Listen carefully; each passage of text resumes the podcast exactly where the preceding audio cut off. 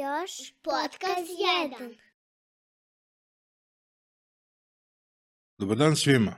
2019. godine sam prvi put otišao u Kosovsku Mitrovicu sa svojih 39 godina. Pozvao me je Marko Rakić, moj današnji gost. Prošlog vikenda sam ponovo bio u Kosovskoj Mitrovici posle nekih skoro dve godine i mogu da vam kažem, prvi put sam odlazio autobusom, zato što sam bio nesiguran za svoj auto i slično.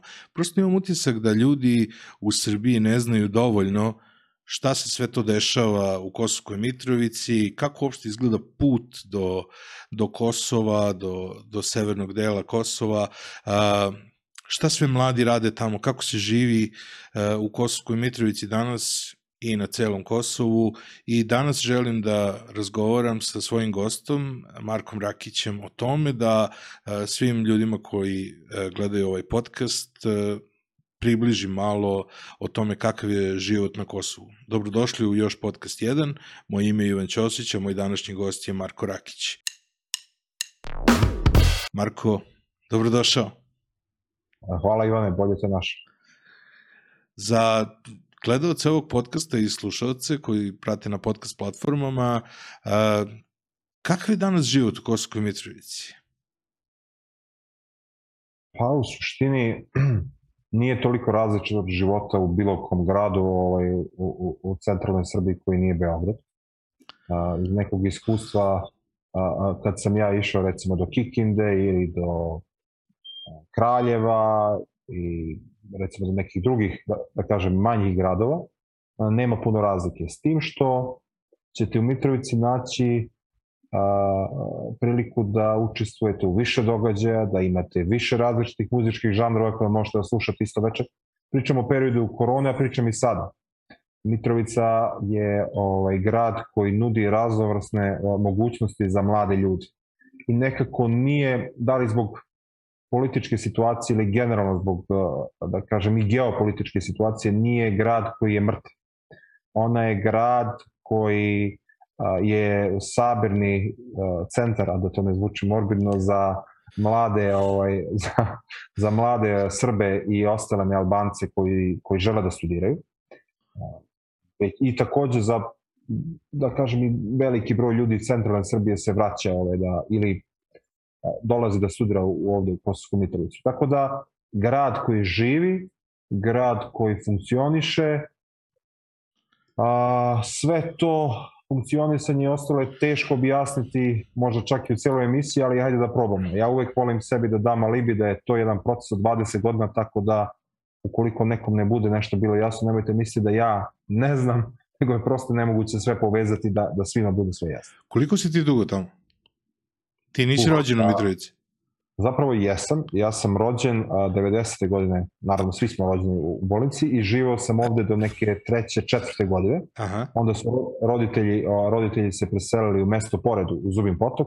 Mm -hmm. To vam je mesto, ne dam Gazivode otprilike, najpoznatiji smo po tom jezeru Gazivode. Mm -hmm. I gore sam išao, znači osnovna škola, srednja škola i ja sam od 2009. ponovo ovde. Imao sam sreće da da za vreme tih najburnijih perioda kada je bilo napada, prelaska mosta uh, i ostalih mogu da psujem sranja. Nisam bio tu, ali je cela porodica i sa očevi s volene strane svi žive ovde, tako da sam i to proživljavao na neki način. Ali realno, u Zubinom potoku mi smo bili u nekom zaklonu. Mm -hmm. Mesto je vrlo, ne znam sad da li je pravilno da kažem čisto, ali je etnički vrlo ovaj, jednoliko.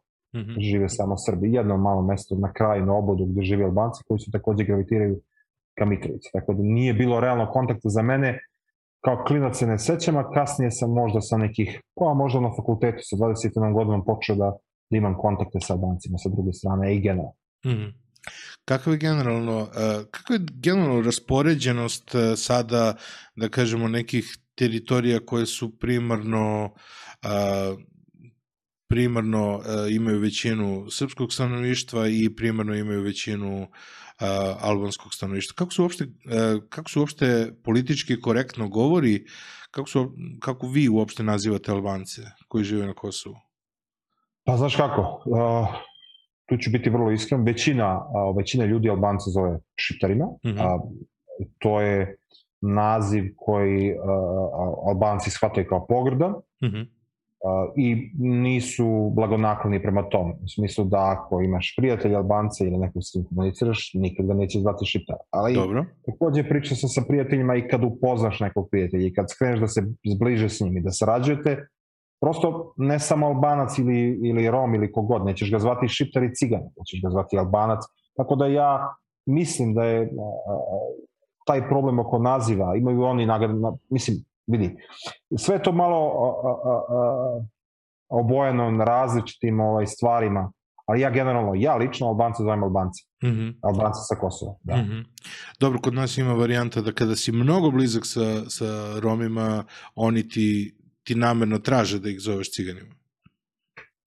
Pa ja nisam ovaj imao tu situaciju ovde, ali sam imao, mislim, pričao sam sa ljudima sa kojima sam blizak, znaš, ti sa Dobro, ja ne znam, ne znam kako je sa, da, sa Albancijom. Da, da, da, ali Alban, Albanija ti, na primjer, na izvornom albanskom jeziku iz Čiperija, ali sam mm -hmm. nešto tako, znaš. Tako da, a, mislim da je problem zato što to dolazi od Srba, jer način kad ti izražavaš ovaj, taj pežurativni ili pogrdan način za mhm. Albance, mm -hmm. njima smeta. Ne sama reč kao reč, jer nema kako ja razumem i kako sam ja shvatio iz razgovora sa prijateljima, nema nikakvo pogredno značenje. Ali ton i razlog i, znaš, obično je to praćeno hejtom i onda je to što smeta. To je problem. Oni imaju sličnu reč za Srbe, ili tako? Oni imaju uh, drugačiju reč za Srbe, to je škija. E sad mm -hmm. nisam siguran oko tačnog naziva, mislim da je nešto vezano za svinju ili tako nešto. Mm -hmm. Verovatno zbog toga što se jede svinjetin ili ne znam šta. Aha. Ali je, da, način je pogledan. S tim što ja to lično nikad nisam čuo od nekog koga znam. Mm -hmm. a, čuo sam da postoji, čak u jednoj emisiji ovaj, na televiziji Priština neki albanski političar jednom ovaj, u javnom prostoru to nazva, dok je, na primjer, kod nas to često pojava da Albanci zovu šipere. Mm -hmm. Ali Dobro. ja nisam to toliko čuo. I da se vratimo na svakodnevni život, znači kakav je da. svakodnevni život i kakve su relacije, da li su te, e, da li su Albanci i Srbi potpuno odvojeni, da li ima interakcija, da li u nekim, nekom domenu, nekim institucijama sarađuju, kakav je uopšte stvarni život, koje su opštine potpuno odvojene, koje su opštine uh, jednostavno potpuno, da li postoje zabranjene opštine za, za Srbe i slično? A, ovako, što se tiče generalno saradnje običnih ljudi, da, da posjećemo prećene institucije, mislim da se tu sve zasniva na nivou interesa. Mislim da ljudi iz Severne Mitrovice idu da kupe nešto u Južnoj Mitrovici u te hipermarkete, pošto ih mi ovde nemamo. Mi mm -hmm. nemamo, na primjer, eto, to je sad jedna bitna stvar, mi nemamo Maxi, mi nemamo Tempo, mm -hmm. imamo šta god. Mislim da Maxi više nema to nije. A, ali postoji ETC, to je tržni centar koji drži, mislim da je privatni, i recimo Crni petak više je Srba nego Albanaca, a to je bukvalno preko mosta, ovog drugog, istočnog mosta, ne ono glavno koji je stalno u kadru, koji je neprohodan. Istočni most je totalno prohodan, ide se svakog dana i auti i ljudi, mm -hmm. dok je ovaj glavni most koji je više simbol nego, nego most, on je otvoren za pešake. I klinci mm -hmm. voze bajs ili skuter. A, tako da ljudi komuniciraju na nivou interesa. Ima individualnih primjera gde a, su ljudi prijatelji ili su obnovili prijateljstvo ili su novo stečene. A, niko se time ne ponosi, što je meni vrlo interesantno. Niko neće javno reći u, u velikom broju ljudi imam prijatelje bance, nego ima svoj rezervisan krug ljudi, znaš, ko ima priča o tome. Niko mm -hmm. nije, ista je strana, ista je situacija i dole. Mm -hmm. Znaš, nije to, znaš, to, to je ista situacija. Što se tiče institucija, ti imaš, ovaj, recimo, u svakoj zakon je tu vrlo vrlo interesantan i, i mogu reći dobar. Što se tiče tih nekih, a, a, a, a, samo što se ne primenjuje, to je druga stvar, ne primenjuje se u svim opštinama. Naprimjer, mi ovde kao manjinska zajednica prema Ustavu Kosova imamo pravo na ćirilicu na svoj jezik, to je ravnopravan jezik sa albanskim, ali nećeš vidjeti, na primjer, da istom, istim fontom ili istom veličinom piše osnovni sud ili, znaš, to su neke stvari koje su dešavale ovde i, i, i ranije kad, su, kad je ovaj, Jugoslavija ona Milošević odija. Tako da, a, a, tragedija cele priče što niko ništa nije naučio u periodu kad je jednima bilo loše, drugima dobro, sad je obrat. Znaš, mislim da je to u suštini najveći problem. Mi ne učimo iz tuđih grešaka a, i setim se često one poslovice u, u dobru se ne ponesi, u zlu se ne ponizi. Znaš, mi nismo, mi nismo naučili ništa o tome. A, a ljudi, kažem ti, komuniciraju na nivou interesa, pojedinačni slučajevi da, ali to je još uvek, još uvek na, na, na tankom ledu. Sve te stvari koje rade i organizacije i institucije na kraju krajeva i ne znam, pojedinci su vrlo krhke jer bilo koja politička izjava ovaj, dovodi do toga da, da, da, to, da to više ne funkcioniše kako je funkcionisalo recimo prethodnih nekoliko meseci. Vrlo brzo se sve to sluša. Da, ja sam u principu bio dosta, dosta toga u stvari nisam video, jer uh, vreme koliko sam, sam bio tamo uh, sa vama, prosto, da kažem, ograničeno, ali sam shvatio da, da je dosta onako čudna situacija i da ponekad zavisi od toga šta se trenutno dešava i u Srbiji i na pregovaračkim stolovima i slično i da li postoje neke ovaj, provokacije i slično. Uh, ipak u svemu tome ti i tvoj tim trudite se da neke stvari promenite. Mnogo si mi nešto namašten, hoću malo da te, da te smejem. Ove, ovaj, da, a, da, pa kapiram, kapiram takve tema. Ta, sa takvom temom sam rešio da počnem, ono, tako da hoću pa, samo malo da, ovaj, meni je apsolutno fascinantno šta je ono što vi radite. Znači, i pokušavao sam da prepričam ljudima i pokušavao sam da, da ispričam koje su to neke sjajne stvari. Uh, ono što je, što je meni sjajno jeste da možete veoma lako da sarađujete sa Markom, treba da zapamtite dve stvari, muškarci u njegovoj organizaciji se prezivaju Dobrić, devojke u njegovoj organizaciji se zovu Marija i ve, veoma lako možete da zapamtite imena i prezimena i onda veoma lako, Marka ćete lako zapamtiti. E, koje su to sjajne stvari koje radite sa, sa klincima? Ja sam neki video e, i ne samo sa klincima, i sa, sa mladima i sa i sa mladim preduzetnicima i slično. E, šta, dakle, prvo imamo dve, dve organizacije, jedno je Link i jedno je e, praktično Mitrovica Innovation Center je projekat Link, e, linkova. Program, da, da, da. Da, ok, ajde sad, znači, iz, e, iz ugla okay. nekoga ko to sve vodi, da ja to ne, ne parafraziram. Hoćemo jedan, hoćemo jedan elevator pitch za, za Donata. Može, može. Pa ništa, u suštini link je, link je lokalna inicijativa Link. Mislim, moram da ti ispričam jednu anegdotu. Ajde. Link, link je akronim u stvari. Dobro. I Link je trebalo da bude Local Initiative North ili Northern Kosovo. U, super. Mm, da, ali sam ja dobio odgovor iz uh, Ministarstva za lokalnu samupravu da to sa prefiksom Severno Kosovo neće proći. Jednostavno ne može. Opa, dobro. Da, da. I to je, znaš, ti krećeš sa jednom idejom da nešto radiš, kako ti voliš da kažeš, sjajno. Dobro. I prvi zid na koji ne ideš, aha, ali ne možda se zoveš kako ti hoćeš, nego kako, kako oni zakon kaže. Dobro. I ja sam bio pozvano, ok, ništa.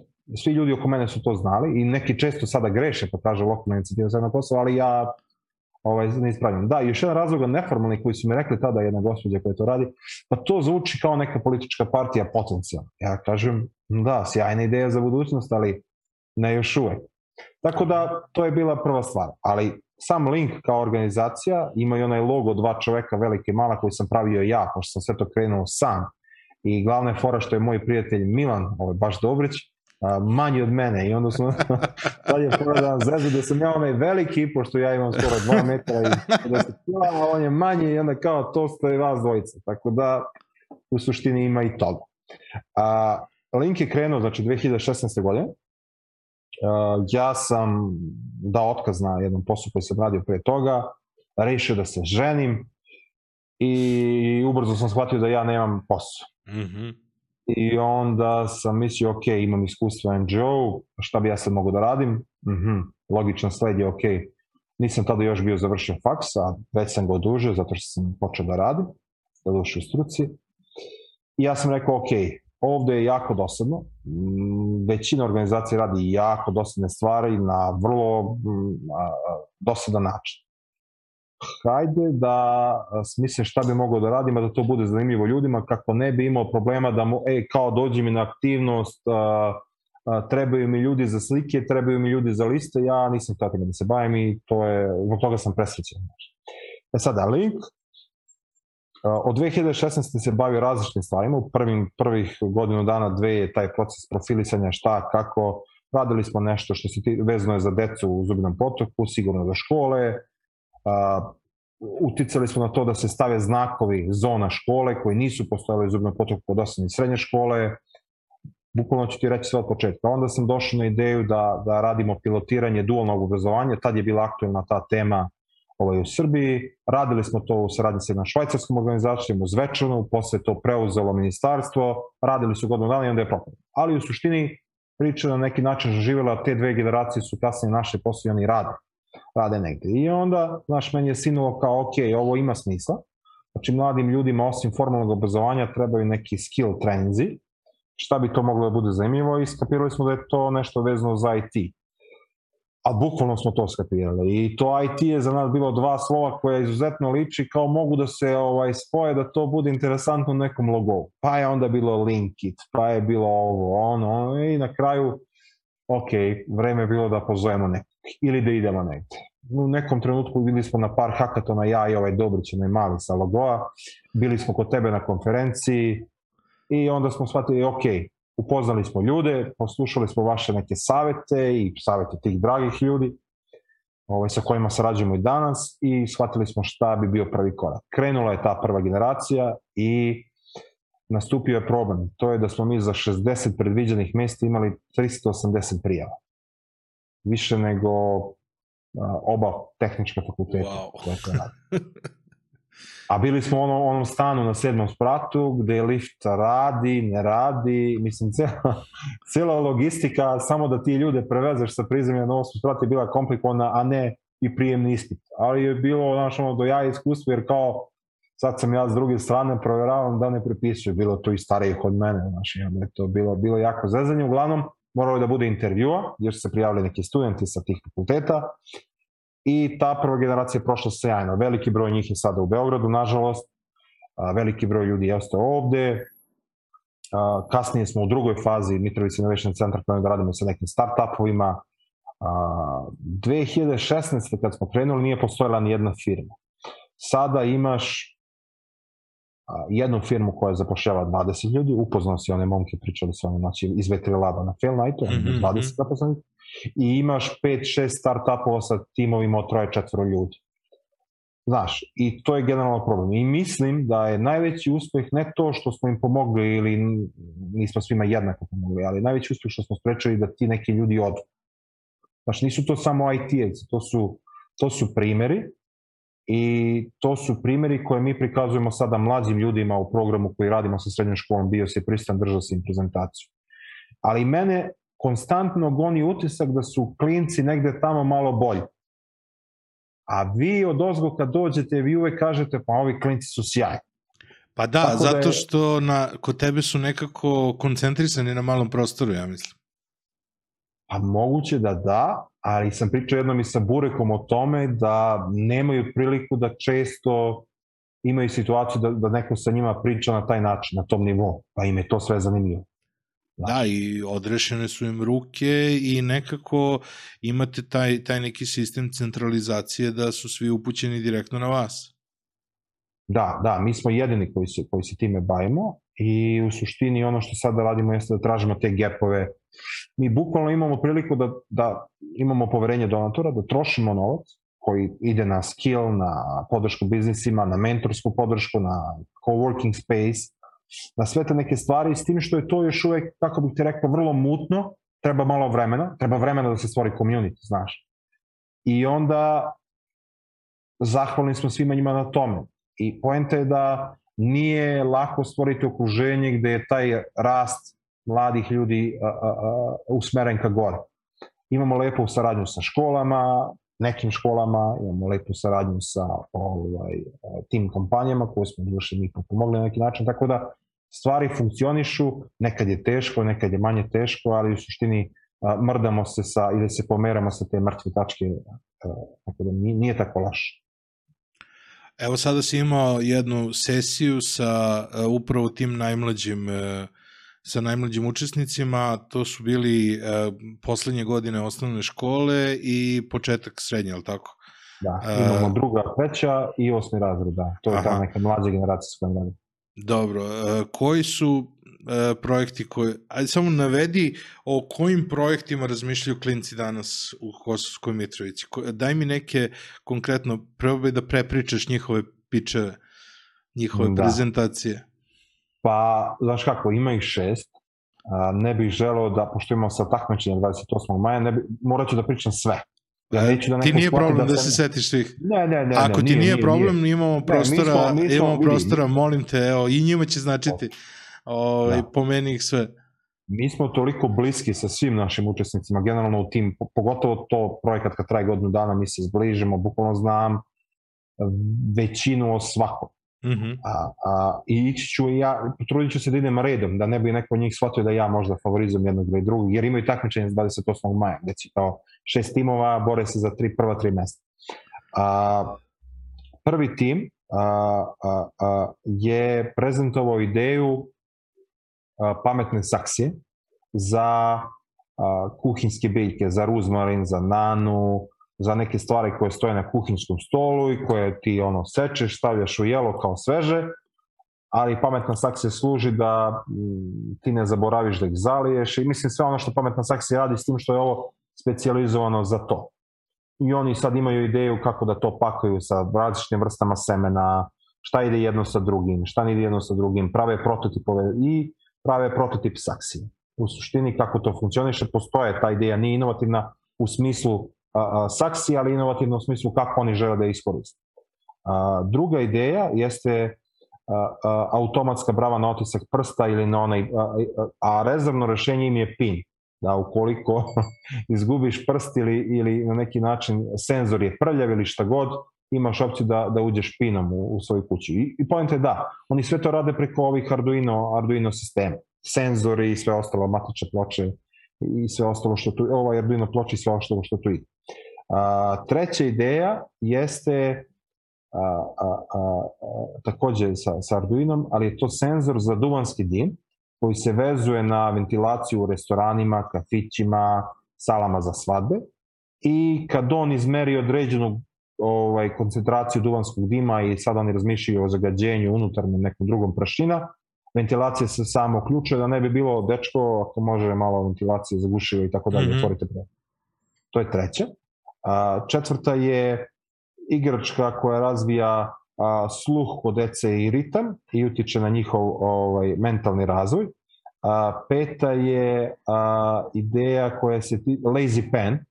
Lazy Pen je olovka koja funkcioniš po principu CNC XY8 i ako te mrzi da, da radiš domaći ili ako trebaš da potpisuješ nešto na nekoliko strana puno puta ili prosto želiš da napraviš neku čestitku sa lepim rukopisom, to Lazy Pen radi za tebe na formatu A4 i A5. Mm -hmm. I poslednja od najmlađih tima a, jeste lovac na krtice.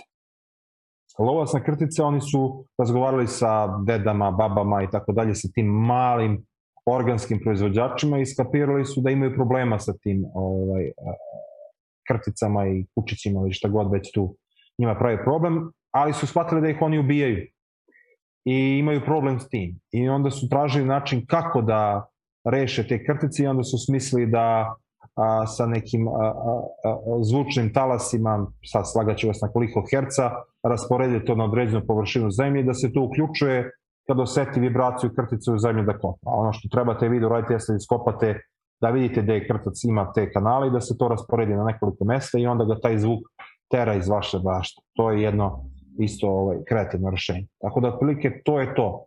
To je znači osmi razred, prva, druga i treća godina. Sjajne priče šta, šta klinci sve rade. Reci mi, uh, ovi stariji, koliko njima pomažu i čime se u stvari te kompanije bave, kako ih povezujete međusobno, uh, šta rade kompanije uh, koje se bave tehnološkim preduzetništvom u Kosovskoj Mitrovici?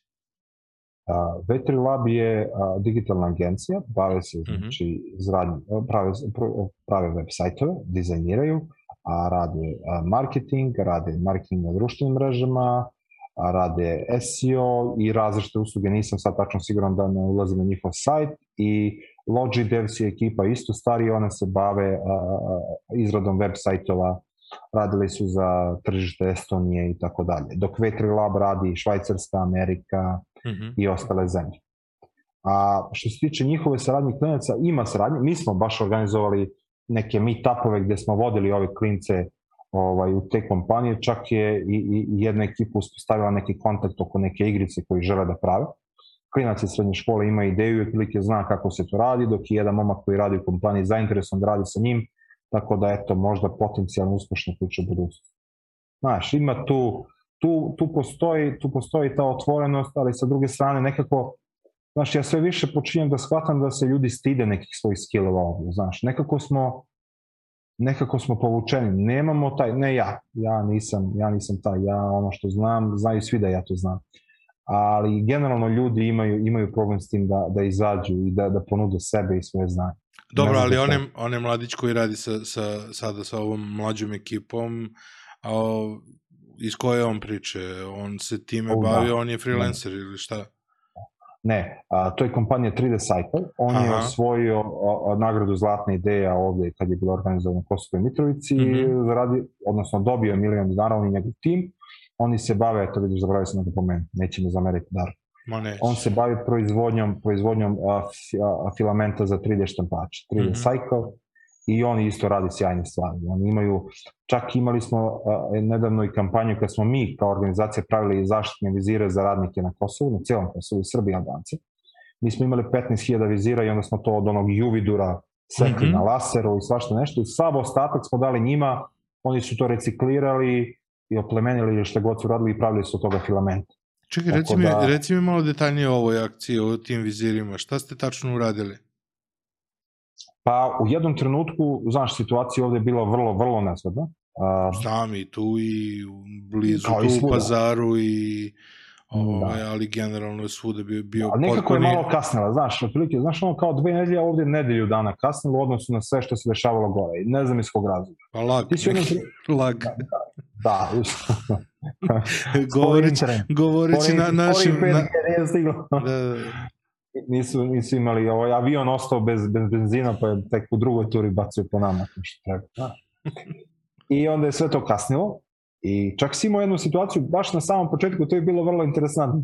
Ti si u Severnoj Mitrovici, jao, ja kad se setim toga, to je bilo, to je bilo presmešno, znači, to je kao ravno gubi, ravno, ravno, sa, ravno ubistvu, kao ako neko ima koronu, čuješ da ima koronu, to je to. I mislim da je to generalno bila situacija svuda. Ali si imao, na primjer, 20 slučajeva u Severnoj Mitrovici, ni jedan u Južnoj. Jer mislim da je, mislim da je to bila varijanta da se to malo sakrije, znaš, dole.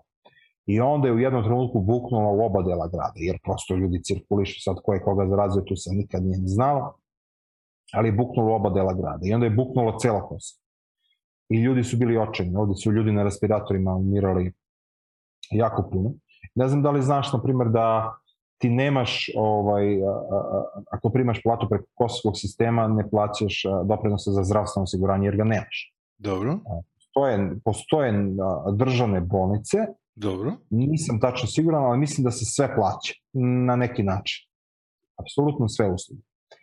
I mislim da su lekari koji su jako dobri, većina njih odavde, pričam ti za albanske bolnice, mm -hmm da su oni otišli za Nemačku i da su generalno imali taj problem i sa osobljem, i sa lekarima, i sa opremom, i sad imaju sa vakcinama. Sve što postoji tu od vakcina što je stiglo na Kosovo jeste ono što je organizovao EU i UNICEF. Tako da, generalno situacija dalje nije, ali ono što je spasalo Kosovo je što je to generalno mlada populacija. Mladi su ljudi tu. I onda sam znaš da, da korona nije toliko agresivna ili nije imala toliko ovaj, puno utjecaje na, na, na, na mlade ljude. Tako da mladost je spasila, inače je bila ogromna katastrofa, ogromna, sigurno sam. I sad u tom trenutku katastrofe nastupila je neka politička kriza, pada vlada, ne pada vlada i mi smo nešto dogovorili sa Amnikom da radimo te vizire. I sad hoćemo da radimo 5, 10 i mi shvatimo da je najbolje da radimo 15, jer po nekim podacima koje smo mi našli imaš 13.000 zdravstvenih radnika na cijelom Kosovu i 2.500 će biti za srpske sredine. Jer ih ima, ja mislim, tako nešto oko 2.000. Čekaj, govoriš o hiljadama? 15.000. On ih vizira uh, plastičnih sa onim uh, providnim delom, ono, koji imaju elastiku. Potpuno za... zaštita na licu. Da, da, da, da, da, da, da 15.000. 15.000 ste napravili kod vas u centru?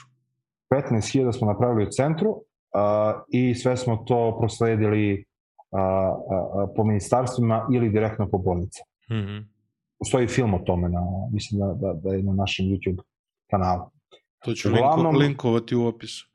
A, da, posle ću ti link. Ja, a, a, a, što se tiče a, a, dostave, a, mislim da smo negde oko 12.000 odneli direktno u Prištinu u Ministarstvo zdravlja, oni su to rasturali posle po bolnicama prema potrebama, a, a ostalo smo nosili po bolnicama ovim u srpskom sistemu ili smo dao lekarima koji su se infektolozi pa su oni sa kolegama razmenjivali šta gde treba i koliko treba, tako da smo u jednom trenutku pokrili sve. Ali to je drugi deo priče. Prvi deo priče da smo mi u prvom talasu, ono kad sam ti pričao gde je bilo malo, napravili 500 komada na 3D štampača. Mi smo nosili 3D štampače kući, to radilo 24-7, jedno mesec dana non stop. Mi smo napravili 500 komada. I me, ja sam gostom u nekoj emisiji ovaj, u Prištini kod novinarke ovaj, Birna, one Jete Džare, ne znam da si čuo. I posle toga zove mene gradonačelnik suve reke Albanci. Ti si taj, ja sam taj, šta, kako, nama treba, ne znam, 300. I ja sam rekao, znaš kako nema šanse, moramo da damo svima, ja mogu da dam 100. I on pošalje vozača. I sad taj vođa dođe u Južnu Mitrovicu sad kako je most ovaj glavni most je sa južne strane samo neka ograda, a sa severne strane su metalni neki stubovi, odnosno betonski oni kao prepreke na putu da ne možeš da prođeš. I lik je ušao preko mosta. I to je, ne znam, posle koliko godina auto prešao. Prvi put je, prvi put je auto da, prešao preko mosta da bi od vas uzeo vizire napravljene da, da. u severnom, da. severnoj Mitrovici. Upravo to severnom delu da, da odnese. Da, on, on je prešao autom i onda juri njega policija, jura i onda smo svi stali kod auta i bilo kao, svi su bili kao, čekaj. kao šta? Mhm. Mm Slušaj. On je čovjek iz suve reke, albanac, vozač, Aha. nema pojma o tome što se dešava ovdje. Znači, apsolutno nema veze da taj most ne radi, da to... Jer on je prošao autom preko glavnog mosta i stigo je do ove prepreke na ivici ka severnoj strani, jer postoji ta betonska prepreka koju ne možeš da prođeš njega juri policija sa južne strane, dolaze ovi policajci sa severne, pošto ti s obe strane imaš po dva policajca koji nešto tu radi. Dobro. Kao šta se dešava, ja sam bio fazonu, čekaj, čekaj, čekaj, čekaj. Evo, ovo trebam da mu dam, to je sad korona. I cela situacija je presmešna što niko nije postavljao više pitanja. Ako je korona, sve može. Znaš, tako da je to, to je jedna anegdota koja je bila u tim prvim, prvim mesecima. Tako da, eto, probili smo i tu barijeru, barem s jedne strane kako je rekla, ide u prethodnom podcastu, kad imaš katastrofu, imaš fokus. da, može tako da se kaže, da. A, da, da, to je jako čudno. Ja sam bio potpuno zbunjen sa Google Mapsom. Znači, Google Maps te ne vodi do Kosovske Mitrovice, znači tu mi je bio potpuno, potpuno čudno, znači prvo uh, izobeležavaš do granice i onda od granice drugi put, onda zalutaš, onda zalutaš. Znaš o čemu se to radi? A, mislim da se, nažalost, mislim, ne, a, a, hajde da to pokušamo da shvatimo ja i ti zbog čega Google to radi. A, a, a, a, uprava granične policije Republike Srbije a, a, od, od tebe traži ulaznu tačku kad si stigao na Kosovo. I recimo ti kad stigneš, sletiš avionom u Prištinu, ti onda a, nećeš moći da ako si stranac, nemaš srpski ili kosovska dokumenta, a, nećeš moći da uđeš, na primjer, preko Merdara, preko Brnjaka, preko Jarinja, nego moraš da ideš na Makedoniju da bi dobio ulazni pečat u Srbiji. Jer ti kad sletiš u Prištinu dobiješ ulazni pečat Kosovo koji Srbija ne priznaje. I iz tog razloga on tebe nikad ne šalje. Da li Google Maps uči iz iskustva, pa te šalje i kad ideš na Kosovo iz pravca Srbije, šalje te dole ili na Makedoniju ili te šalje ovamo na Crnogoru, Peć, Kula, Rože da bi i u povratku išao istim putem da bi dobio, znači moraš između Kosova i Srbije, ako si stranac, moraš da imaš jednu zemlju između vas. Da li je to Makedonija ili Crna Gora, na tebi je da izabereš. Mm -hmm. Tako da zbog toga Google Maps to radi. I najbolja varijanta je recimo ako putuješ do Beo, iz Beograda do, do Kosovske Mitrovice, da ti ideš kucaš Raška i onda od Raške ideš samo pravo ili Jarinje i onda kad uđeš recimo tamo čim pređeš administrativni prelaz, a, kucaš a, Mitrovica ili Kosovska Mitrovica i on te vodi do tvoje tačke. Bukvalno je taj jedan prekid postoji samo zbog toga, verovatno što stranci putu češće i onda Google Maps uči iz tog iskustva da ne može da se ide tamo ili tamo. Mm. Ili je to neko uputstvo koje je neko slao njima da, da ne bi ljudi dolazili u taj problem. Mi smo imali tu situaciju sa jednim sa Metodi Hristo, ovaj, ovaj, ovaj rep, o, pardon, nije reper, on je DJ iz Bugarske, kad smo radili neki festival ovde mm -hmm. uz Večano, mi smo njemu morali da objasnimo zbog čega on mora da ide u Skoplje, pa da leti iz Skoplja za Beograd. Tako da, mm -hmm. eto, imali, imali smo i te situacije. Ili prijatelji koji rade ovde, stranci, ne mogu da odu do Kuponika, jako jako blizu, moraju da idu na Makedoniju, onda kad već stignu Makedoniju, odu na, na Ohrid ili tako nešto. Tako da, Aha. ima, tu, ima tih administrativnih problema. I još jedna stvar koju ljudi treba da znaju jeste da smo mi državljani Srbije, da niste ovde u roamingu, postoji ta fraza nacionalni roaming gde nemaš mobilni internet, ali su ti cene poruka i poziva iste kao kad zoveš MTS-a VIP-a iz Beograda, isto ti je odavde, ali moraš da se kačeš na MTS-a, ne na IPKO i na Valja. A, ne treba ti pasoš, treba ti samo lična karta, ne treba ti potvrda o vakcinaciji i ne treba ti negativan PCR test. I generalno nema problema ja imam problem i sa svojom rodbinom, kad oni kažu, kad ja zovem njihovu decu ili sad to su braća i sestre ili prijatelji, hajde dođite malo kod nas. Ne, ne mogu ja moje dete da pustim dole. Ja tu imam jedan izliv uh, besa koji uvek teško kontrolišem i kažem im, pa nije moje dete od 5 godina Rambo. Mi živimo na 300 metara od mosta, on nema prepreke i pušku kad ga ja ujutru u 8 vodim odnešta. Neće ništa da se desi tvom detetu kao ni mom razumem da se brineš, ali nemoj da time ugrož, ponižavaš mene, nisam ja luda, moje dete držimo u ratnoj zoni i da tvoje pozivamo isto. Tako da, zato sam, iz, zato sam i želeo da napravim ovaj podcast, znači zato sam i želeo da pričam sa tobom, zato što a, moj prvi odlazak i moj drugi odlazak jeste da su u razmaku od dve godine, ali su razlika u tome da sam prvi put bio, da sam želeo da ispoštujem, vi ste bili na konferenciji u Vršcu, pozvali ste mene da dođem, ja sam želeo da dođem, do duše tad mi je prijalo, do duše da odspavam ovaj, u putu od Beograda do, do Mitrovice, ali drugi put je bilo mnogo, mnogo a, drugačije i lakše. Nisam uopšte razmišljao o tom. Ti si rekao, ok, ako je auto na tebe, oni će ti tražiti saobraćajnu na, na, na, na granici, na prelasku, ja sam poneo saobraćajnu, dakle, nas dvoje, dve lične karte i saobraćajna, pogledali su, klimnuli glavom, ja sam prošao, tako da, A, i, i u, u potpuno rutinska kontrola, dakle, auto parkira na ulici kao što bi ga parkirao u bilo kom drugom gradu u Srbiji, mislim, E, tako da, što se tog dela tiče, e, ja apsolutno nisam imao nikakav, nikakav osjećaj da sam u nekom drugom gradu koji nije u Srbiji, tako da ja sam baš imao taj osjećaj kao da sam otišao u Kraljevo, Čačak ili Paraćin ili bilo koji ili bilo koji drugi grad, tako da a, meni, ali moram da i ja da ti priznam da, da prvi put nije bilo baš sve jedno i da prvi put sam bio u fazonu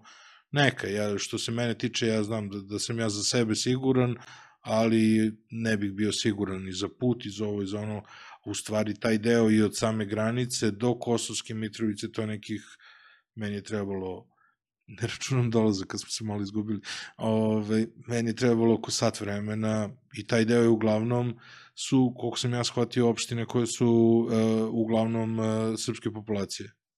Pa, znaš kako, to suštine nije toliko ni važno. Mm -hmm. moja, žena, moja žena radi u Prištini. Dobro. Moja žena svakog dana putuje, sad od kada je krenula korona radi online, ona svakog dana putuje auto mm -hmm. a, koji je registrovan na tablice prstenik. Svakog dana ide u 8, vraća se u 5. Dobro. I tako 3 godine. Za to vreme imala je jedan udarac od pozadi kad je padao sneg, i to je osiguranje platilo od vozača koji je, koji je udario. A, nije imala, imala jednu malu provokaciju u smislu da je neko svirao, jer je generalno problem što žensko vozi, ne što je to srpkinja, nego što je to žensko, pa je znaš, kao i u svakim selima, mislim da to, znaš, u gradu, što se tiče Prištine kogo grada... Dođe, kogo dođe sa drugim tablicama u Beograd dobija sviranje, a, tako da... U, suštini, da, znaš. I i nisam imao, ja lično nisam imao loše iskustvo. I većina ljudi koje ja znam nisu imali loše iskustvo. Ali mogu da kažem da ih nije bilo što se tiče drugih ljudi. Bilo ih je jako malo. Verujem da se stvari ne dešavaju bez razloga. Ima -hmm. situacije, neću da, neću da, ovaj, da bilo šta priča na pamet, ali znam da je bila situacija da su ljudi bez ikakvog razloga, ali to je sa druge strane bila očinjena neka budala. mm -hmm. koja je poznata policiji, koja je iz nekog razloga napravila, ili je bio pijan, ili je bio drogiran, ili šta god. Ali pojenta da čak i kad dođete u Kosovsku Mitrovicu, onda gde ste vi nastavili pravo, trebali ste desno uz večera, čak i da si otišao pravo, te je put ovo sa druge strane grada. Ja tamo idem stan. Mm -hmm. Ja sam juče tamo bio da, do bankomata. Znaš, ne žive ljudoždiri sa druge strane. Neće niko da ti zapali auto, neće niko da te ubije, znaš, to je dan, to je i da je noć, znaš. Znaš, znaš kako nekako a, a, a, ljudi zaboravljaju da i ti Albanci su ljudi, da i oni ne ubijaju tek tako, da to nisu svi oni učika teroristi ili možda i jesu bili, ali prosto znaš, neke stvari se menjaju prošle 20 godina. Može tebe neko i u Srbiji da ubije po noći kad voziš auto kasno. Znaš, više ubistava imaš u Beogradu oko ovih ratova, šta god da je klanova ili čega god, nego u Kosovskoj Mitrovici zadnjih ne znam koliko. Mm -hmm. Znaš, to su neke stvari iracionalni strahovi, rekao bih tako. Mm -hmm. Ali, ja ne mogu da krivim ljude, ovaj, sve to jeste nešto što ovaj, vi imate kao dnevnu dozu čaja Zna, koja vam znaš se servira. Kako? Pa da, servira se i onda često se priča, mislim, znam da ste imali teške trenutke kada su neki problemi, kada su neke eskalacije, kada se dešavaju ne, neke... Da, brate, ali i te lavi ima teške trenutke, pa ljudi idu iz Beograda u te lavi, da, znaš, da. bez ikakvih problema. I mnogo će se lakše odlučiti za godinu dana da odu u te lavi nego u Kosovsku Mitrovicu, znaš. Sad, A ti mi reci da nije tako. Sad je baš, sad baš ne, dobro. ali... Dobro, ali kažem za godinu dana kad situacija da, snima. Da, da, dobro. Uh, ajde da se vratimo na, na, na neke lepše, uh, neke lepše ajde. teme. Ajde da se smemo malo. Hoću da, da preporučiš svima uh, ćufte iz Kosovske Mitrovice. Dakle, Sarajevo ima svoje ćevape, Leskovac ima svoje ćevape, ali ja sam stvarno bio potpuno oduševljen. Čačak ima svoje pečenje, ne smijem njih da ne pomene, Vojvodin ima svoju kuhinju. Ja sam bio potpuno oduševljen sa ćuftama iz Kosovske Mitrovice, to je jedinstveno, drugačije i frekvencija ljudi u tom prostoru me potpuno oduševila. Pa da, a to su, a, mi smo tebe, a, ako već niste gledali Marka Žvaka gde su oni išli i radili rangiranje ovaj, ćufti po, po celoj i generalno ćevapa i tako dalje, mlevenog mesa po celoj Jugoslaviji, ako se ja dobro sećam, mislim da je ova, a, a, a, pa sad se to zove ćevapđinica, iako rade najviše ćufte, kod Sejde, u, u samom centru ovde Kosovske Mitrovice, a, bila na drugom mestu. I cela ta priča oko te Čevđenice jeste fenomenalna, što sam, na primjer, ja imao ljude iz Sarajeva koji su bili u fazonu kao jedete ćufte za doručak. Ja sam bio ne, jedemo ćufte za doručak, ručak i večeru nekad i po dva puta. Tako da to je, to je jedan fenomen dve i pola, gde ti dobiješ pola onog somuna i dve ćufte unutra. I sad kad mi smo se zazeli nešto, zoveš one dve ćufte, to je smajli koji koji se smeje jako jer je sve preukusno. A, njihova pravila su da nemaju ketchup majonez, imaš kajmak, imaš tucano, a, kupu salatu, paradaj salatu krastavac i ljutu papriku. I to je sve. I rade fenomenalno, imaju puno posla i to ih održava u igri jer je meso stalno sveže i prosto nema načina da ti jedeš ćuftu koja je ispečena pre pola sata. Jednostavno nema Sve ode vrlo često, ono, znaš, čeka se malo duže, jer oni spremaju za svakog posebno, sve uvek vruće, sve uvek taze, tako da evo, već mi ide voda na usta, mogu bi danas neku čuftu. Da. ja, meni... mogu bi neku čuftu kod Behara, da, da. Imaš te dve porodice, jedna je Sejda, Aha. oni su Mitrovici, a imaš i Bektešević, oni imaju uz večer, i oni su isto jako dobri. Aha. Znaš, to su to sledeći put. Aha. pa ćeš moći da uporediš. Ali Marka Žvaka bila ovde, pa rekao ajde da, da vidiš i to i to. Ali ko, ko, ko, je prvi? Ko je prvi kod Marka Žvake? Pa, nisu oni bili kod Bektešević, oni su bili kod Sejd. Ne, ne, nisu rekao si da... A ko je prvi? Da su... Joj, na da se ide na drugom mestu pa da vidim ko A vidi, ko je... nije bitno, za, na, za nas je Sejda uvek o, da, brate, imaš da... srebrnu medalju kod sebe u, u komšiluku. Da, da, i onda je to kao i srebro sija kao zlato, kao ne znam. Da, da. Šta je beše bilo to za neka... Bila neka pesma, neka, srebra, neka, da. letnja, neka letnja pesma, da.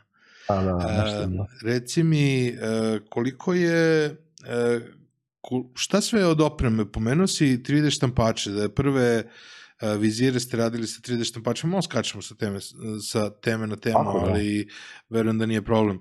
Uh, pomenuo si 3D štampače, na njima ste uradili prvu seriju tih vizira, da. kako ste uradili ostale i šta je još od e, opreme koju imate, koju, e, koju mladi mogu da koriste u okviru centra? A, imamo dva 3D štampača koji su u ovoj sobi koja je kao 3D room, koji mladi mogu da koriste za sve njihove potrebe i škole i fakulteta. Imali smo jednog studenta na master studijama koji je kombinovao ovaj 3D štampač i neki kamen, pa je to bio master rad. A, imamo laser, ovaj, površine 130 puta 90, to je takođe ovaj, usluga koju nudimo. I za sve to što mi dobijemo za neki projekat, mi ga kasnije iskoristimo za obuku. Znaš, da to ne sedi prazno. Mi smo dobili 3D štampače da bi pravili te vizire tada, napravili smo 500 komada, i onda ok, hajmo da sad pravimo trening, da što više ljudi dođe u kontakt. Ja sam imao, mislim, to moram da ti kažem, ja sam imao pre 3-4 godine situaciju u tehničkoj školi, gde mi klinci nisu verovali da 3D štampač može da napravi ruku koja stoji ovako, koja je ista kao moje, bukvalno ista. I bila je opklada. Ja sam rekao, ako ja vama donesem štampač, napravimo vašu ruku, vi učestvujete u treningu. I tako je i bilo.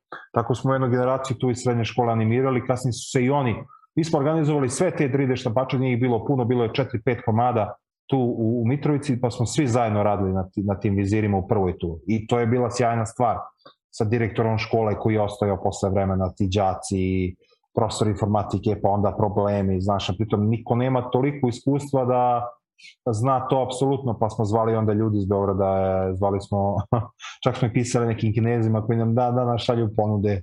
Tako da, bilo je zanimljivo, znaš, to sad kad pričam sa tobom, e, a, a, uspomene samo na viru i ono osme koji si tražio, dolazi sam kad je vedar tema.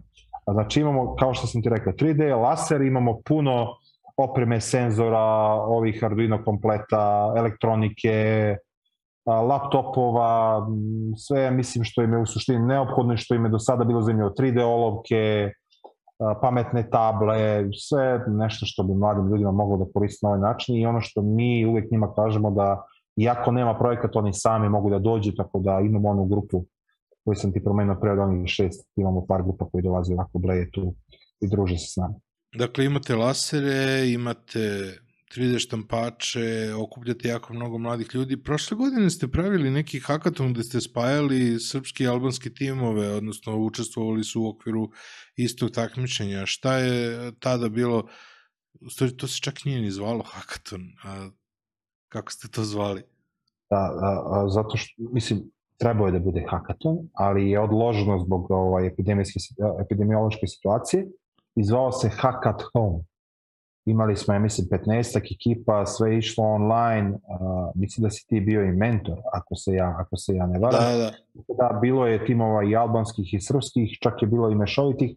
U suštini vidi, mi, uh, uh, neki donatori to traže, ali mi to nemamo kao kriterijum. Ja uopšte ne želim da stavljam pritisak da moramo da imamo to i to. Prosto se ljudi prijavljuju i ono na što ja stavljam akcent je da se vi zaslužuju jednake šanse I to je nešto to je nešto što ja prosto pričam svuda, to je nešto što ja mogu da kažem kod sebe na slavi, bez ikakve griže savesti. Ja mislim da, bez obzira na sve razlike i na grehove roditelja ili, ili ne znam koga, mislim da mlad čovek, svaki, zaslužuje svoju šansu.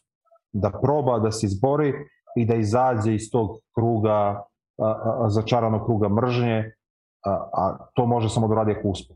Znaš, ako uspe i okruži se uspešnim ljudima, neće imati prostora da mrzi one koji su, koji su oko njega. Znaš, to je nešto što mene vozi. Ove godine takođe smo radili hackathon, ovaj, nisi bio mentor, nisam, mislim, zvao sam te za Fair Night, nisam za, za hackathon, pa da, da, da prosto ne postaneš deo vetara kod nas, pa smo malo menjali.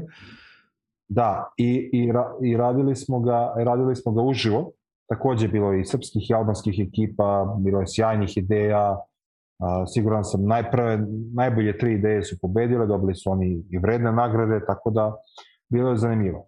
I point što su na, na tom hackathonu shvatili kakvi su ljudi u njihovom okruženju godinu dana kasnije.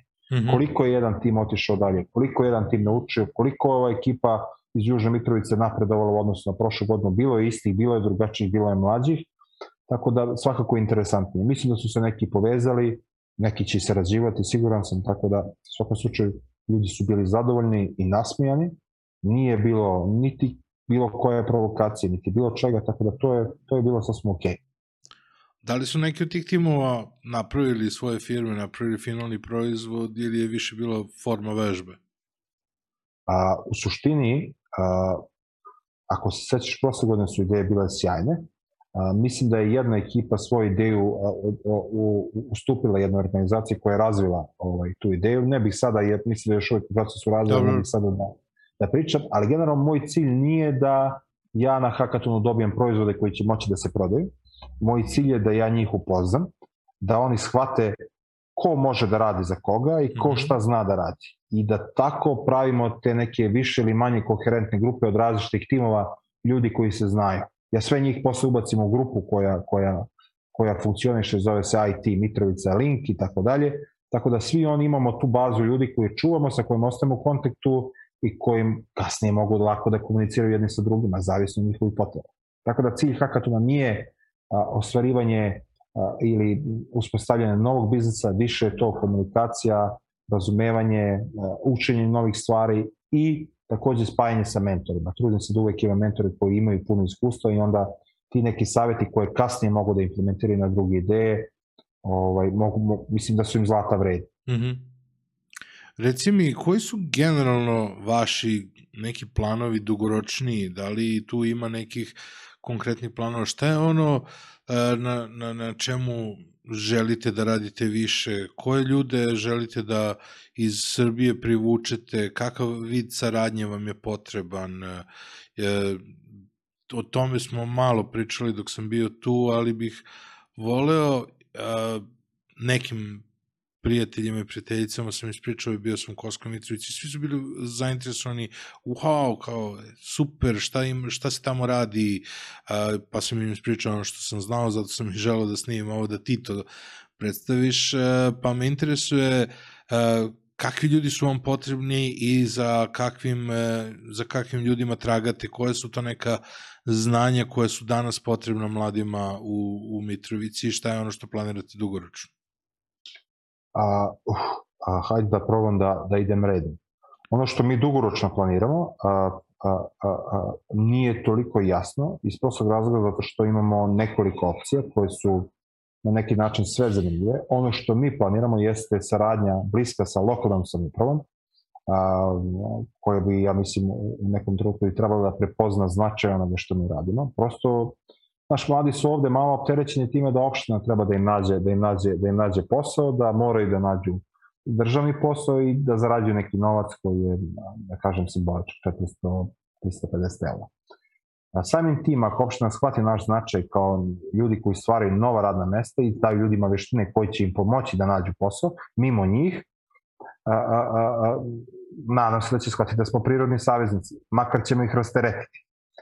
A, ta saradnja takođe se potencijalno ogleda u, u nekom centru koji bi funkcionisao kao institucija za sebe, ovaj Mitrovici Innovation Center, koji smo mi voljni da razvijamo zajedno sa lokalnom samoupravom, a tu nam je takođe potrebna, dolazim na onaj odgovor za oba pitanja šta nama potrebno, kakvi ljudi.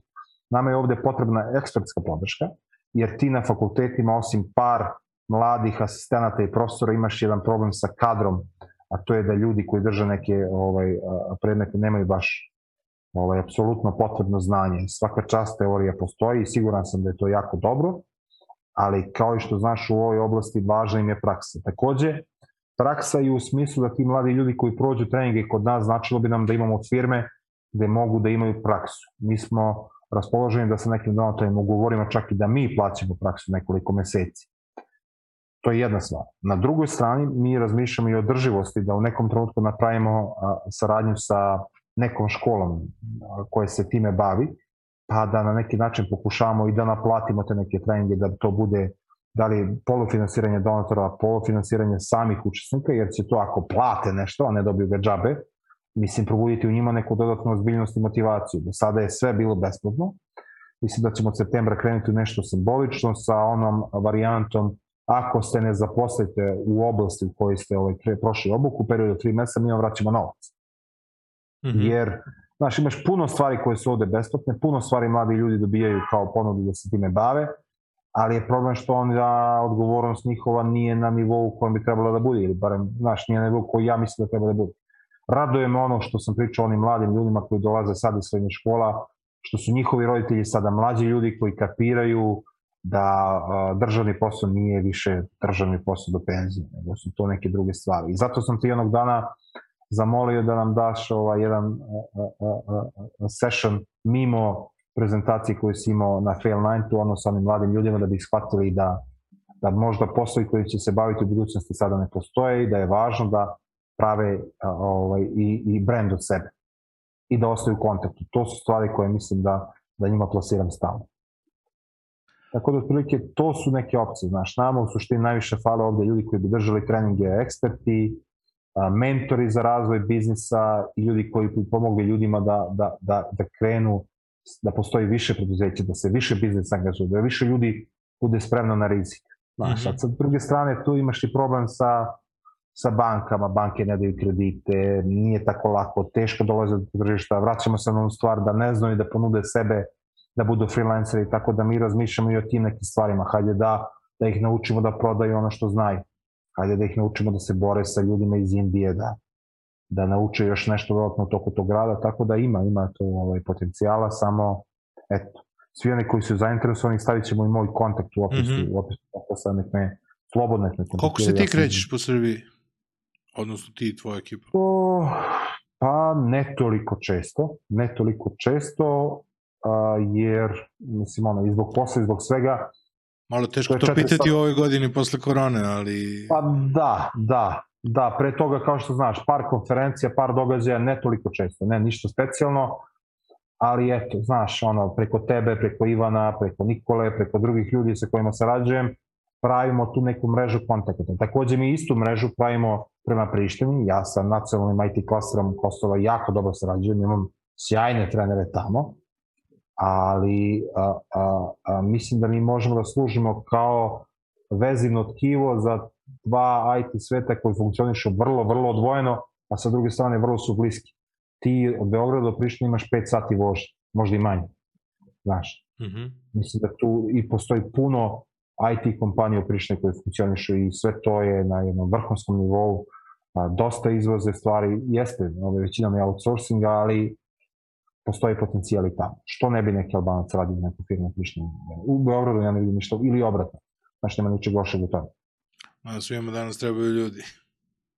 Apsolutno. Pitao sam zato što sam se ja oduševio i sa samim putem. Znači, put mi je... Uh, ja mislim da, da nisam vozio uh, od Čačka na jug, to je sve i dalje Ibarska magistrala koja je imala jako svoju lošu konotaciju u istoriji, ali ovaj deo Ibarske magistrale od Čačka, pa stvarni, stvarni nastavak Ibarske magistrale mi je bio potpuno fascinantan i zove se, e, posle sam tražio, vidio sam da je Ibarska magistrala u stvari put 22. Interesantno da Amerikanci imaju Route 66 i onda mm. a, ovo je jedna, jedan put koji je a, tako zbog saobraćenih nesreća i svega a, mnogo, mnogo ima negativnu konotaciju, a zapravo ide kroz, em što ide kroz najlepše predele, em što ide kroz putanju srpske istorije, tako da taj deo mi je potpuno... Što imaš kafane ovaj, gde god hoćeš. da, i, i, i kafane. A, reci mi e, sam kako generalno, a, kako funkcionišu ostala srpska mesta na, na, na Kosovu danas koja nisu u ovom severnom delu? Pa, znaš kako, generalno sve funkcioniše po nekom uh, sistemu centralizacije već, manjih mesta ka jednom većem. Pa, na primjer, ti u jednom delu onda oko Prištine imaš Dučanicu, gde je sva ostala mesta, poput, ne znam, Lapiksela i drugih manjih mesta tu funkcionišu, ovaj, rade u institucijama. Opštin Gračanica, pa imaš dole deo koji je oko Kamenice, koji funkcioniše po principu da oni rade u Kamenici, pa onda imaš dole onaj deo Košar planine, tu je Štrpce. Sve to ide po nekom principu da ljudi iz sela funkcionišu u jednu veću, u jednu sredinu malo veću, koja ima svoje administrativne ovaj organe, opštinu, ambulantu, bolnicu. A, sve srpske sredine i dalje imaju ambulante, odnosno generalno zdravstveni sistem i dalje u sistemu Republike Srbije, ne postoji drugi, nemaš način da se lečiš u srpskim sredinama, u gradima kojima žive, ili selima kojima žive Srbi da se lečiš poskim, jer ih nema. A, škole i dalje funkcionišu i, i nadam se da će tako i biti ovaj, za ovaj, u, u sistemu ovaj, Republike Srbije. A, tako da, znaš, ljudi su i dalje lojalni ovaj, Srbi. A, mi smo, znaš, često pričam sa prijateljima zbog čega je to tako i to je normalna stvar i mi svi tako razmišljamo, znaš. A jedan od razloga može da bude to što kosovsko društvo možda nije spremno da, da prihvati Srbe na pravi način, onako kako bi mi to hteli. A druga stvar je što dosta ljudi i dalje radi pri institucijama Republike Srbije. Znaš, što imaš mnogo, hiljade i hiljade ljudi koji dalje primaju platu. Gde ta plata ima ne samo novac, nego ta plata ima i zdravstveno osiguranje gde koje ovaj kosovski sistem nema. Pa ta plata ima neku penziju koju ti možda imaš više poverenja pa onda imamo predsednika koji vrlo često ostaje u zaštitu javno. Tako da, znaš, ljudi, ako pitaš ljude, ljudi nikad ne bi hteli da budu deo Kosova. Mm -hmm. Ja mislim 95, 99% nikad ne bi htelo da bude da se to prihvati. A sad što se tiče situacije nisam siguran kako će biti, kako će se odvijati. Ono, znam kad je bila priča oko, oko razmene ono, teritorije, odnosno ovaj, a, tog a, razgraničenja, mislim da su se ljudi u južnim ovim u južnim delovima južno od Ibra, od južne Mitrovice pa dole jako uznemirili jer ono što znam jeste da se sigurno oni plaše šta će biti sa njima, kakva je njihova sudbina. Mm -hmm. Ti dalje imaš, imaš jedan kosovski ustav koji na neki način ima neke ovaj, da kažem pogodnosti koje Srbima kao manjinskoj zajednici koje verovatno kad su to ismišljene a, s razlogom tako ovaj, napisano u ustavu. Šta će biti ako dođe do tog razgraničenja? Kakav će ustav biti tada?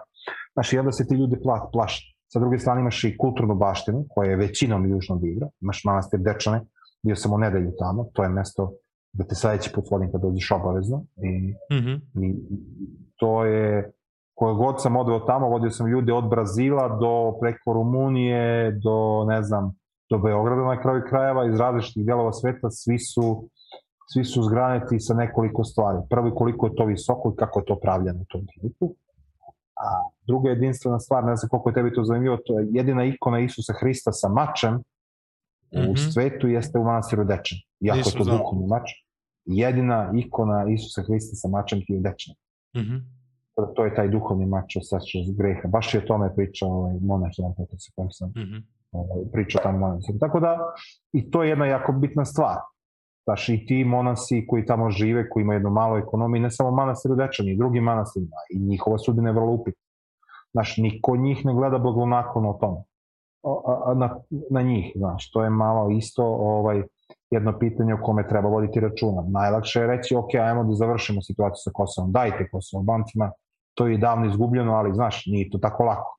Ajmo da damo deo čukarice, sad ne znam nekome. Nikakav problem, za mene ali verovatno za ljude koji tamo žive bio bi veliki problem. Tako da, znaš, nisam siguran šta je održivo rešenje, nisam siguran šta je rešenje, ali znam da je ovo jedna jako kompleksna kriza. Pričao sam sa jednim diplomatom o tome, to je jedna velika kriza identiteta gde eskalira problem a, a, a, a, a, religije kao identiteta, eskalira problem nacionalnosti i eskalira problem teritorija. Znaš, gde svi misle da je to nečije, da je to istorijski pripada jednima ili drugima, a u suštini zašto je to važno, znaš. A opet, znaš, dug je proces, imaš ti dalje, mislim, 70.000 slučajeva nerešenih imovinsko-pravnih pitanja ovaj, gde su većina tih problema ovaj, problemi srpske zajednice, gde ljudi prosto, eto, ja znam situaciju da ljudi imaju svoj stan u Prišti, imaju dokumente, ali ne mogu da staraju čoveka. Znam puno njih koji su ju prodali. A znam tu situaciju na severu da Srbin živi u albanskom stanu. Ali je neuporedivo veći broj a, a, a tih uzurpatora imovine, da li je to njiva ili sve ostalo, sa druge strane, to Alba, Albanci su zauzeli veliki, veliki deo tih, ovaj, veliki deo imovine Srba koji i dalje tamo može. A o državnoj imovini da ne pričam. Znaš. I to je taj neki fokus da se, koji se nije stavio na, na imovinu kao vrednost, na imovinu kao svetinju, nego se tu pričalo o statusu, o nekim drugim stvarima, ne, ne o imovini, o tome ko je koliko ulagao, čije šta i tako dalje. Čekaj, hoćeš da mi kažeš da praktično i ljudi koji sada žive na Kosovu nemaju precizan stav šta bi oni, šta bi bilo najbolje rešenje? Ako pitaš Albance, naravno da je nezavisnost... Dobro, ne, nego, ne, da. ne pričamo njima, pričamo... Pitaš Srbe, ne, ja pričam ti moju perspektivu. Ako pitaš 99% ljudi, svi su podano da žele da budu deo Srbije. Niko ne žele da bude, da bude deo velike Albanije. Jer ljudi misle da je to sledeći korak. Ukoliko Kosovo bude nezavisno, ljudi se verovatno plaše da je sledeći korak spajanje sa Albanijom. I onda je to nikom nije, znaš, da li je to opet simbolička stvar ili stvar iracionalnog straha, niko ne bi želeo da bude da živi u velikoj Albaniji. A ti ne možeš da prosto ljude preseliš s jednog mesta na drugo i da preseliš ljude šta sa manastirima, šta sa ostalom kulturnom baštinom. Znaš, nije to nije tako, vrlo kompleksno pitanje. Znači. Mm -hmm. Šta je ono još što ljudi koji žive u Srbiji ne znaju o životu na Kosovu? Pa, znam ono što znaju. Ili ono što misle da znaju. Ono što misle da znaju jeste da, se, da postoji ta neka priča dupla plata, ne plaća se struja, ne plaća se voda. Neki kažu da se ne plaća telefon što se regularno plaća, to su kao ovoj firmi a, znaju da se da svi kao kopaju Ethereum i kriptovalute i tako dalje, svi znaju sve to i to su česti komentari koje ja čitam na portalima. Ali sa druge strane ne znaju da, na primer, se na šetalištu u Mitrovici zadnjih godinu dana desilo 12 tuča između Srbije i Albanaca, gde sam ja par puta bio prisutan sa svojim detetom, gde neko u toj jurnjavi bežani mogao njega da udari, da on padne i tako dalje. Znaš, ljudi ne znaju realne probleme, ljudi vole priče, ali ja ovaj, tebi to ovaj, samo ponavljam ono što sam ti rekao, ljudi vole priče i ljudi vole da pričaju o tome. Ljudi ne znaju da, na primer, da bi ako, na primer, situacija da ti je ovaj, ujak radi u, u nekoj kompaniji koja je bila sa prostora bivše SFRJ, ne iz Srbije, da bi ostvario tu penziju u Srbiji, ti moraš da doneseš potvrdu da ne primaš penziju sa Kosova, što je nonsens. Ne znam da li to možeš da shvatiš. Recimo, tvoj tata je radio u Gorenju, u ispostavu u Valjevu. Da, radio u Kompasu Slovenačku. Eto, radio u Kompasu. U slučaju da, da, da ima pravo na kosovsku penziju, odnosno da ima državljanstvo, to je linearna penzija 95 eura, tvoj tata bi morao da donese potvrdu iz kosovskih institucija da ne prima penziju od Republike Kosova, naglašavam Republike Kosova, mm -hmm. da istu tu potvrdu vadi u Južnoj Mitrovici, da ide u Prištinu, da je overi u ovaj, Amnikovoj kancelariji, odnosno kancelariji misije Udinjih nacija na Kosovu, i da to šalju u Beograd da bi mu oni odobrili srpsku penziju. Koji, koji, znaš, šta to znači? Znaš, I sa druge strane ljudi ne znaju da mi imamo isti pasoš kao i vi, ali da u našem pasošu umesto PU Kruševac ili PU Beograd, ne znam šta god vam piše, nama piše koordinacijna uprava i da taj pasoš nema bezvizni režim. Da sa tim pasošem moraš da vadiš vizu u Prištini ukoliko želiš da putuješ u Nemačku. Da tamo nailaziš na razne peripetije gde od tebe traže da imaš kosovski pasoš. Da uh, moraš da u nekom trenutku su traže da imaš kosovsko dokumenta pa sve i da ne želiš nisi mogo da pređeš granični prelaz. Ali se to obustavilo, toga više nema. Znaš, postoji puno tog administrativnog šikaniranja jedno od onog s kojim smo se mi borili i do nekle smo se izborili kao organizacija je bila ovo sledeća stvar. Slušaj ovo. Ja sam venčan sa svojom suprugom zakonitom u opštini Zubin potok u sistemu Republike Srbije. I mi imamo srpsko državljanstvo, znači ona je udata za mene. Ona ima venčani list gde piše udata sam za Marka Rakića, oca taj taj, batiće broj taj taj. Međutim, mi smo hteli da imamo kredit u banci koja funkcioniš u kosovskom sistemu, da mi ona bude sudužnik, Međutim, ona treba da ima državljanstvo Kosova. Ok, hajmo da probamo to. Naš brak je nevidljiv. Mi moramo da se venčamo ponovo. Ali da bi se mi venčali ponovo, slušaj, slušaj ovo, slušaj, da bi se mi venčali ponovo, ona mora da donese iz mesta iz koga ona jeste, recimo iz Kraljeva, potvrdu da je ona neudata. Ali ona ne može da dobije potvrdu da je neudata jer je udata za mene. Tako da ja sam faktički u kosovskom sistemu sa ovom jednom ličnom kartom slobodan čovek, a u ovom drugom imam ženu i dete. Neću da se zezam na taj račun. Ne, ne, ne, mislim, sjajna je situacija tako da slobodno. A sa druge strane slušaš ovo. njeni roditelji su rođeni u istoku, mama u klini, otac u jednom mestu osvojene i to je prvi osnov da ona dobije državljanstvo Kosova. Drugi mm. osnov, ona je udata za državljanje na Kosovo, to je smene. Treći osnov, ona je na, na doktorskim studijama, znači to je kao građanin od značaja za društvo, to je kriterijum. Četvrti je da je provela više od 5 godina, ona je tu 10 godina, 5 godina je sam. I ona ispunjava 4 od 5 uslova, peti ne znam ni koji je. Ne. Ako čitaš zakon na albanskom, piše ovo ili ovo ili ovo. A kad ga tumači službenik, on kaže ovo i ovo i ovo i ovo i na kraju i ovo koje nemaš. I sve mi to, i sve mi to skupimo, sve mi to nađemo. I onda on kaže, odnosno ona, u prištini ovog ministarstva unutrašnjih poslova, kaže, slušaj, morate da mi donesete apostil na originalni dokument njenog izvoda rođenih iz centralne Srbije. To je nemoguće. Znaš, niko neće da ti da apostil pozadi sa dokumentom sa žigom. I mi smo shvatili da prosto ne žele da ti daju državljanstvo i odustali smo to. Tako da ona je u, ovaj, ako pitaš nekog u centralnoj Srbiji ili u ovim opštinama koje funkcioniš u srpskom sistemu na Kosovu, ona je udata žena za mene, a ako pitaš ovo, ja sam i dalje slobodan momak i stan se vodi samo na mene, tako da ona faktički, znaš, to je, to je potencijalan problem za nju. Ne za moju ženu, nego generalno ti pričam za sve ostale žene koje su centralne Srbije udate za ljude ovdje. Tako da ima tih administrativnih šikaniranja koliko hoćeš. To su problemi. Mm -hmm. Znaš, iste te stvari su, na primjer, problem sa imenima, na primjer, Srb, u institucijama u onoj Jugoslaviji Miloševićevoj ovaj, su prolazila banci.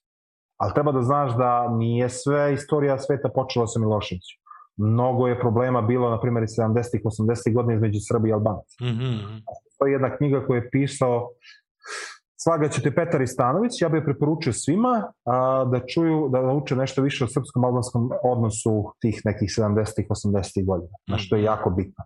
Jer ti imaš sad tu novu garnituru politički korektnih influencera sa Twitter albanaca za koje cijela istorija sveta kreće od Miloševića, gde su a, neki od njih stvarno propatili. Mm -hmm. Znaš.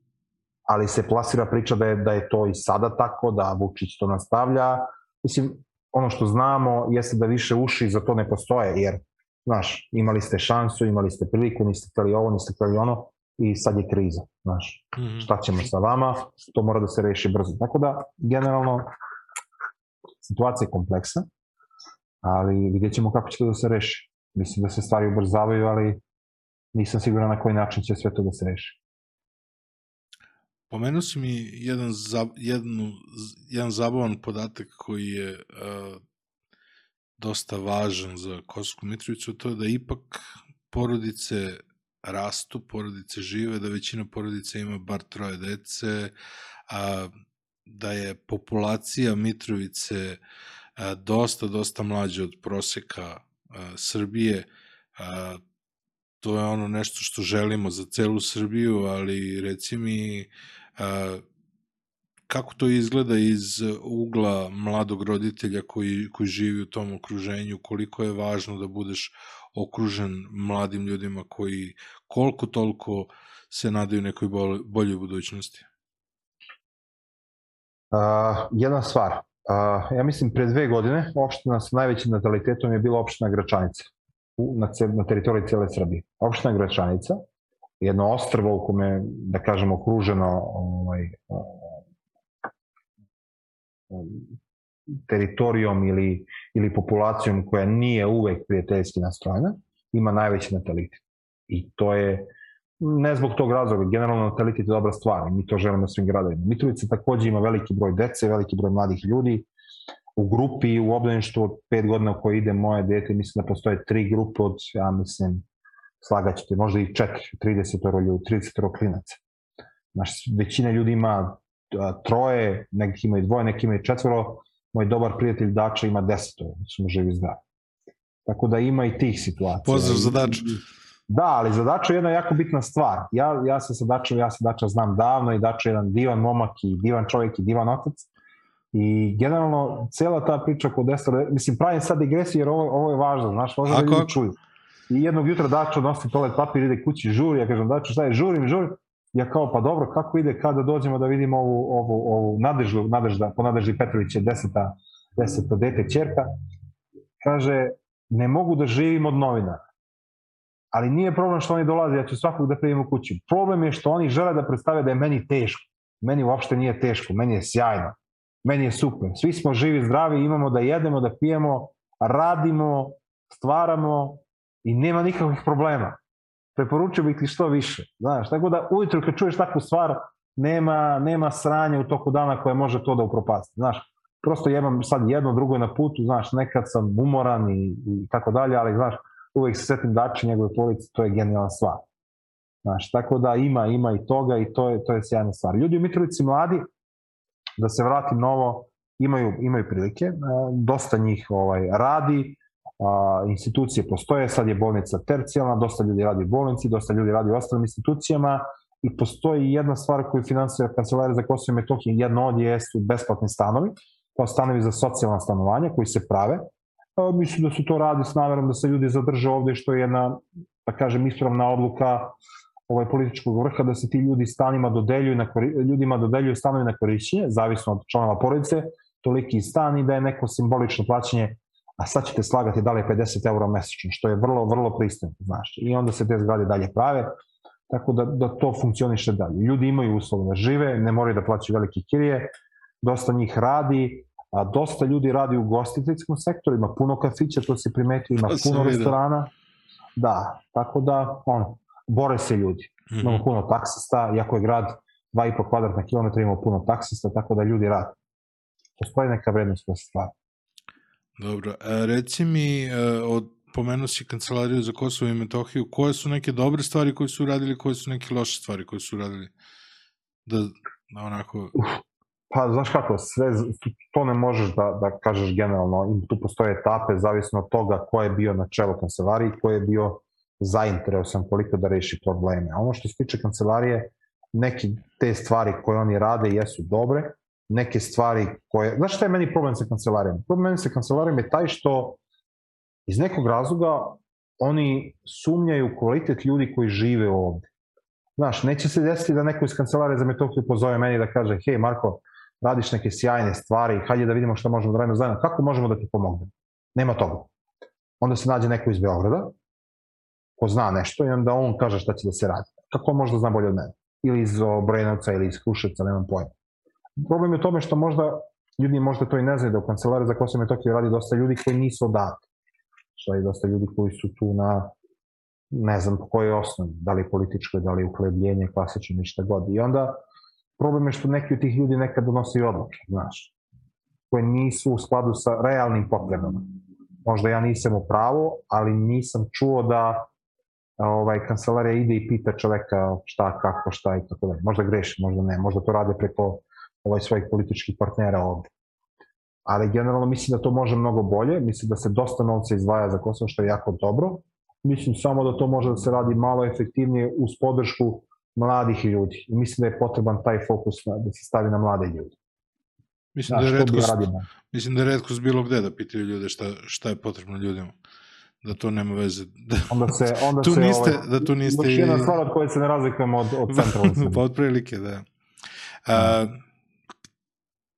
Kako bi volio da, da, da, da Mitrovica izgleda u trenutku kad tvoj sin bude u tvojim godinu?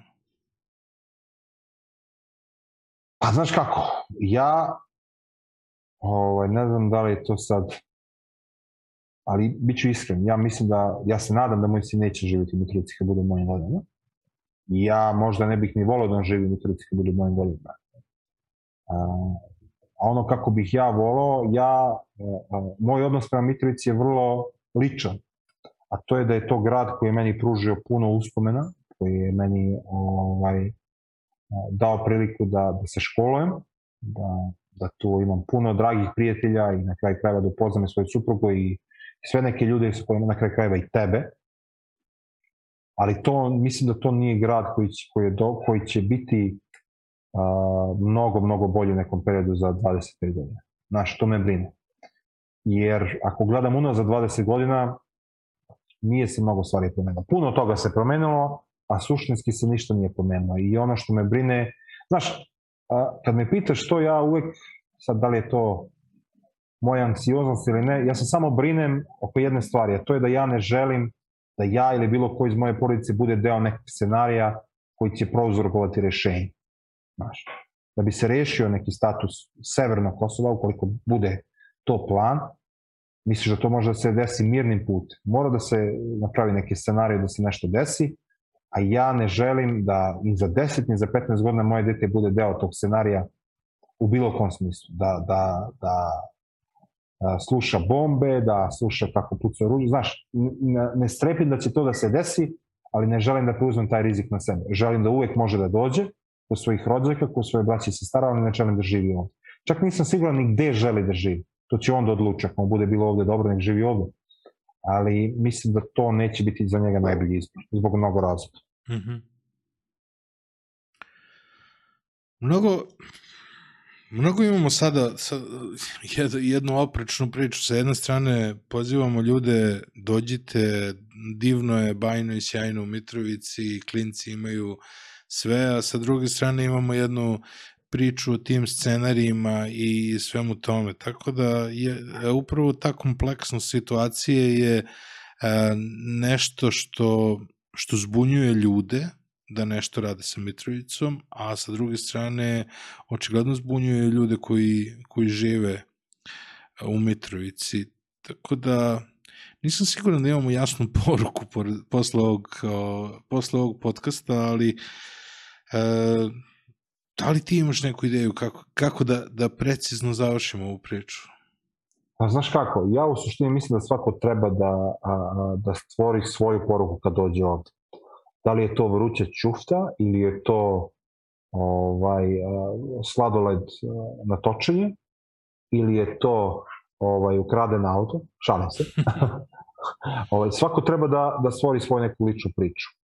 A, mene boli to što ovaj, i ja postajem taj lik koji planira da svoje dete ovaj, šalje negde dalje, jer ja nisam bio to dete. Moji roditelji su hteli da ja odem, ali ja iz, nebitno, iz nekih razloga nisam otišao. I onda sam, znaš, s tim što, na primjer, moji roditelji nisu radili u državnim institucijama, nisu imali one duple plate u nekom periodu. Mm -hmm i e, mene nije država finansirala da odem, kao što je, na primjer, mm -hmm. moja generacija u uzemljenom potoku bila jedna od najjačih, jedna 17, 11 u Beogradu, najbolji džaci u Beogradu i nas dvoje koji smo bili dobri džaci, troje, smo ostali ovde.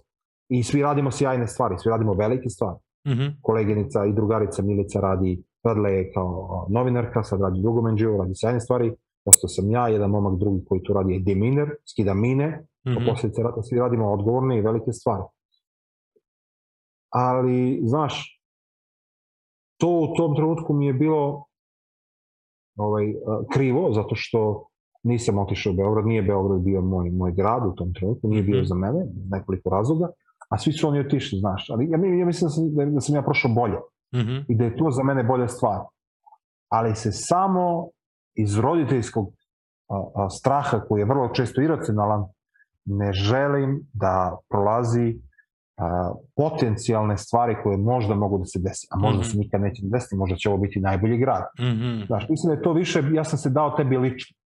Ja sam se dao lično u tu priču, ovaj, a što se tiče ove priče, svi trebaju da dođu u Mitrovicu, svi trebaju da to vide, svi trebaju da udahnu taj vazduh. Sećaš se onog dana kako je bilo kao na moru, samo nigde mora. Pa, Tako da, samo fali more. Da. Tako da mislim da, da, je, da je poruka da svi trebaju da probaju svi trebaju da, da, da, da probaju Mitrovicu na svoj način. Men, što meni je, je sjajno, je znači i okruženje i ljudi, te priče svih tih mladih ljudi koji uh, ne zaostaju ni, ni delić ono, vremena uh, ne računajući koronu izlag, ovaj, ne zaostaju bukvalno za stvarima o kojima, o kojima pričaju mladi ljudi širom Srbije, tako da a na kraju krajeva i sveta. Tako da meni je potpuno sjajno sve ono što ste uradili. Jako mi je žao da, da, da imaš takav, e, da, da imaš, e, da nemaš, da kažemo, viziju za, za neku budućnost e, Mitrovice, ali na kraju dana nisi niti poslušao svoje roditelje. Da, kraju dana da, nemojte da slušate svoje roditelje. Koliko god bili oni mladi. Hvala ti Mare, zovi za, za sve što treba. Ove linkove uh, mi obavezno pošalji, uh, želim da ih stavim u opis ovog videa. Hvala ti puno. Hvala, hvala. Ćao. Ovo je bio još podcast 1, još jedna epizoda. Hvala vam što ste ostali do kraja sa nama. Ukoliko želite da ovaj podcast vidi drugi ljudi slični vama, molim vas da kliknite na taj like ispod videa, meni mnogo znači. Hvala i vidimo se u sledećoj epizodi. Prijetno.